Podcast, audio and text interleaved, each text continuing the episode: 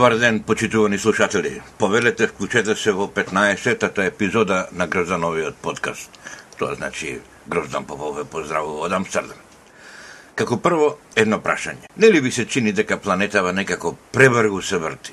Ајде тоа што фучи низ Вселената со стотици илјади километри на час, ама и врти муши многу брзо, луѓе мои. Кога само помина неделава? Јас имам еден единствен подкаст како лесна обрска да сплескам и дури да се обзорнам, дошол терминот за нов. За никаква друга саглам работа не ми останува време.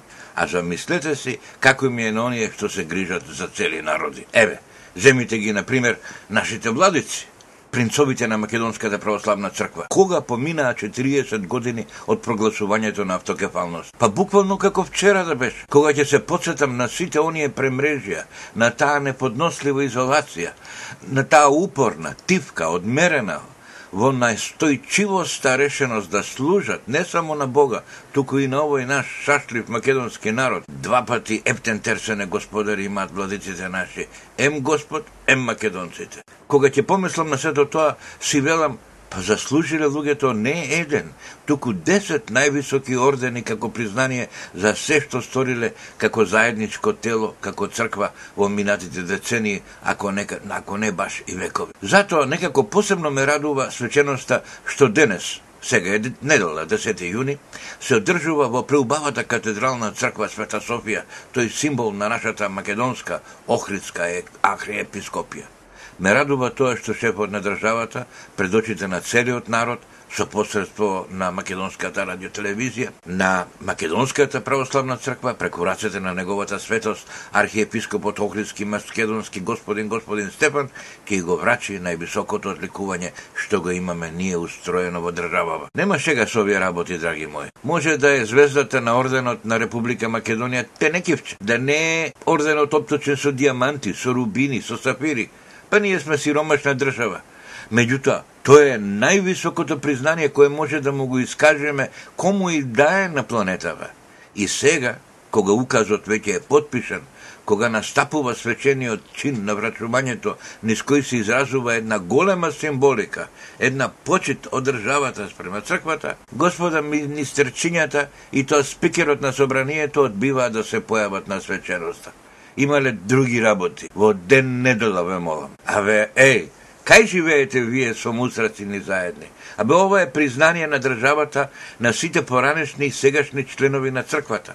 Признание на архиепископите, на митрополитите, на епископите, на целото свештенство, монаштво и на секој македонски православен верник, признание за нивните различни придонеси во одржувањето на македонството. Сосема е споредно колку е на место држава да одликува црква.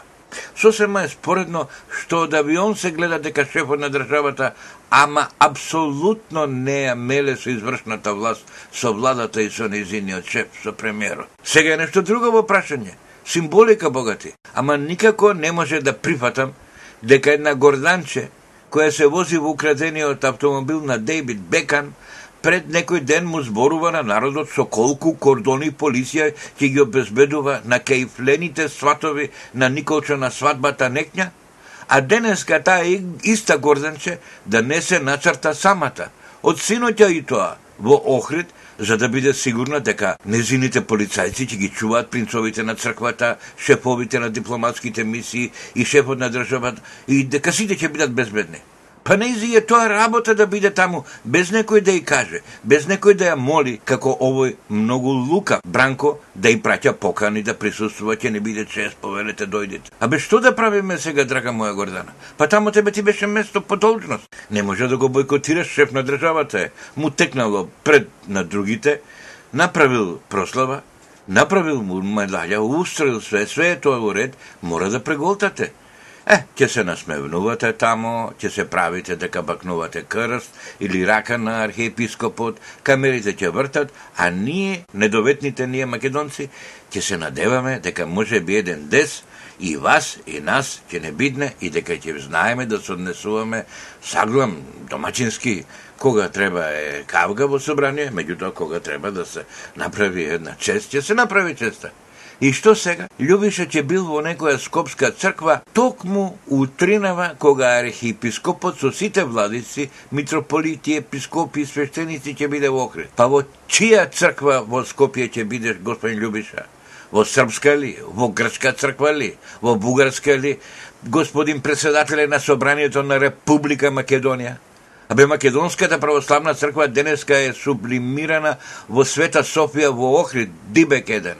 Абе оди таму прави коменди по селски театри, не се тупори кај што не ти е местото, не изигруве председател на парламент кога не знаеш елементарна чест да му покажеш на ова што го велиме ние заедништо на светиот синот. Јас не сум некој религиозен човек, меѓутоа знам што е ред. Многу сум возмутен од ваквото држање на председателот на собранието, а и на министрите.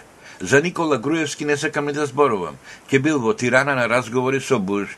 Добро, ама затоа, господин Никола, господин премиер, па имаш кум, подпредседател на влада, ќе му речеш, ајде собери ги сите министри, прегледај тамо дали се избањати, дали сите имаат нови кошули, чевлите дали им се свеснати, ноктите зецкани и до еден ќе ги нацрташ на свеченоста во Охрид. Така се прави кога премиерот не можел да го убеди Бранко да ја помести церемонијата за некој друг ден, а не баш да ја намести за денес кога премиерот е во Тирана. Па завчера одеше господине премиер да ги молиш тие исти владици да те венчаат, нели?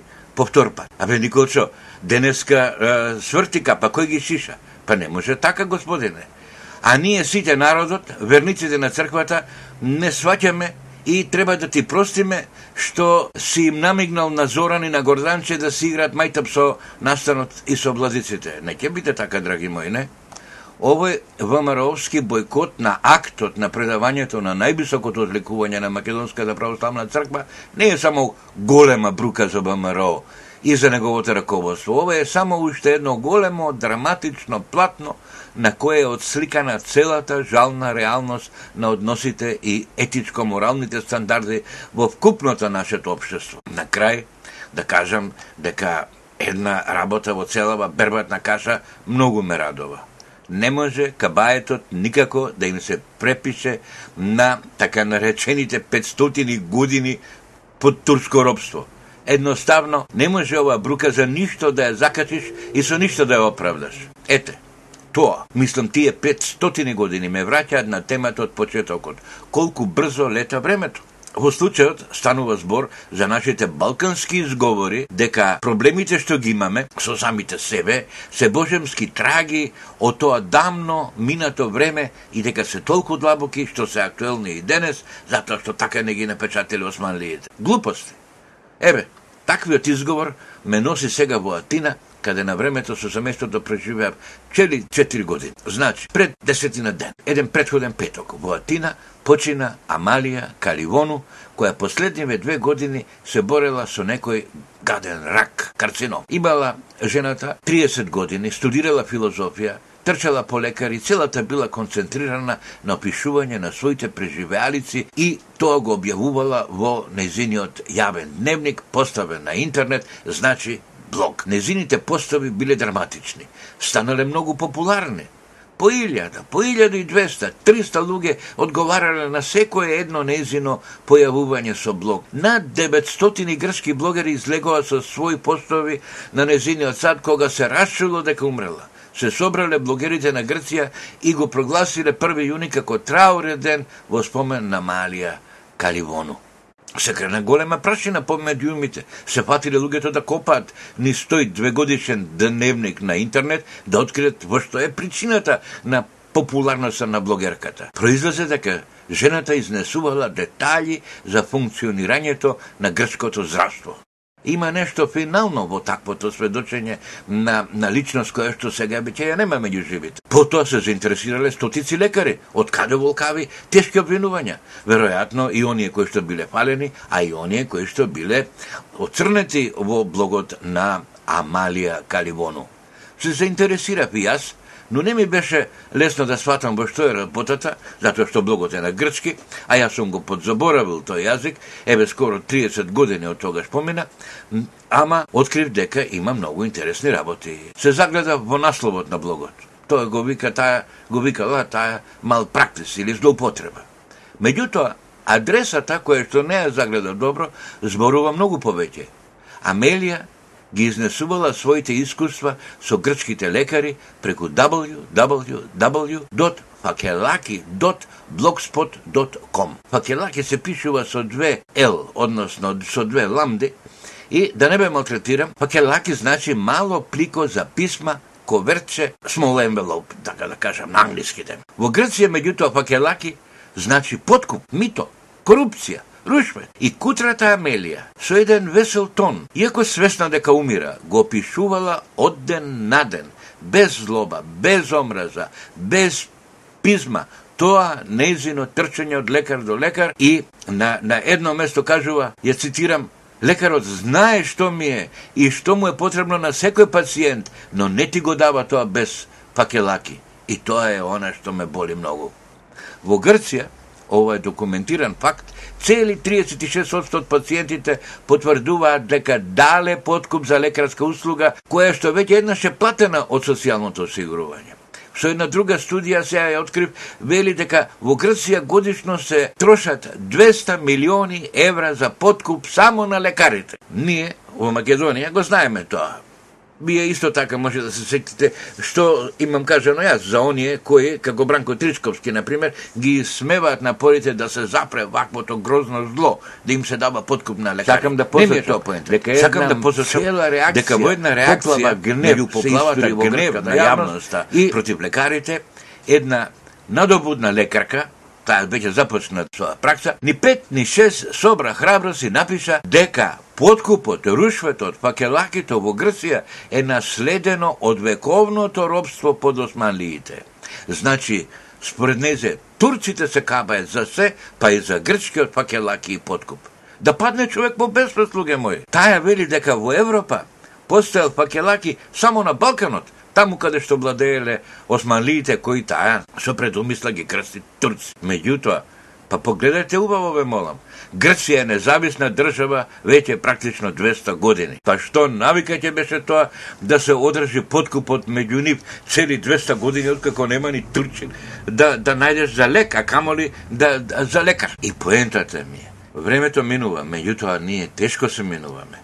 Накусо, еве, без да ја гибаме еволуцијата на Чичко Дарвин, ништо не може да не одлепи од калта во која не глиби гравитацијата на минатото без да се употреби револуционерен пресврт на мислата. Таквиот пресврт ќе наложи измени на праксата. Како сакате толкувајте го ова? Невозможно е да се оди напред барајки закачки во лондонски праски.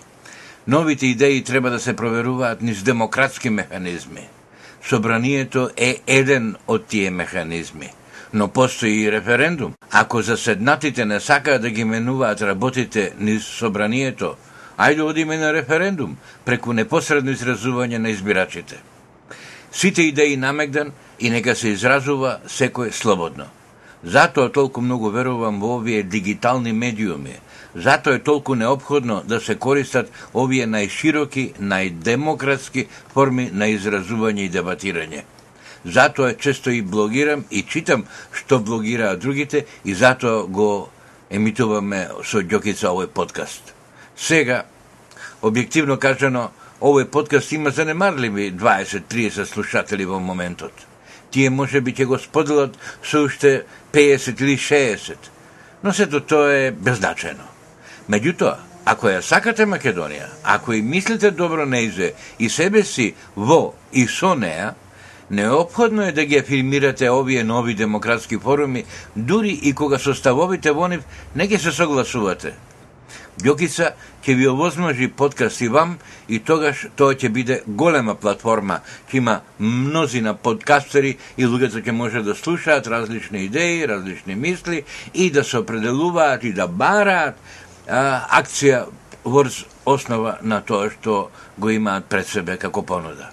Меѓутоа, ако молчите, ако не се произнесете на еден или на друг начин во врска со изнесениве теми, нема ништо од напредок. Верувајте ми го тоа. Нема збор доколку нема реплика.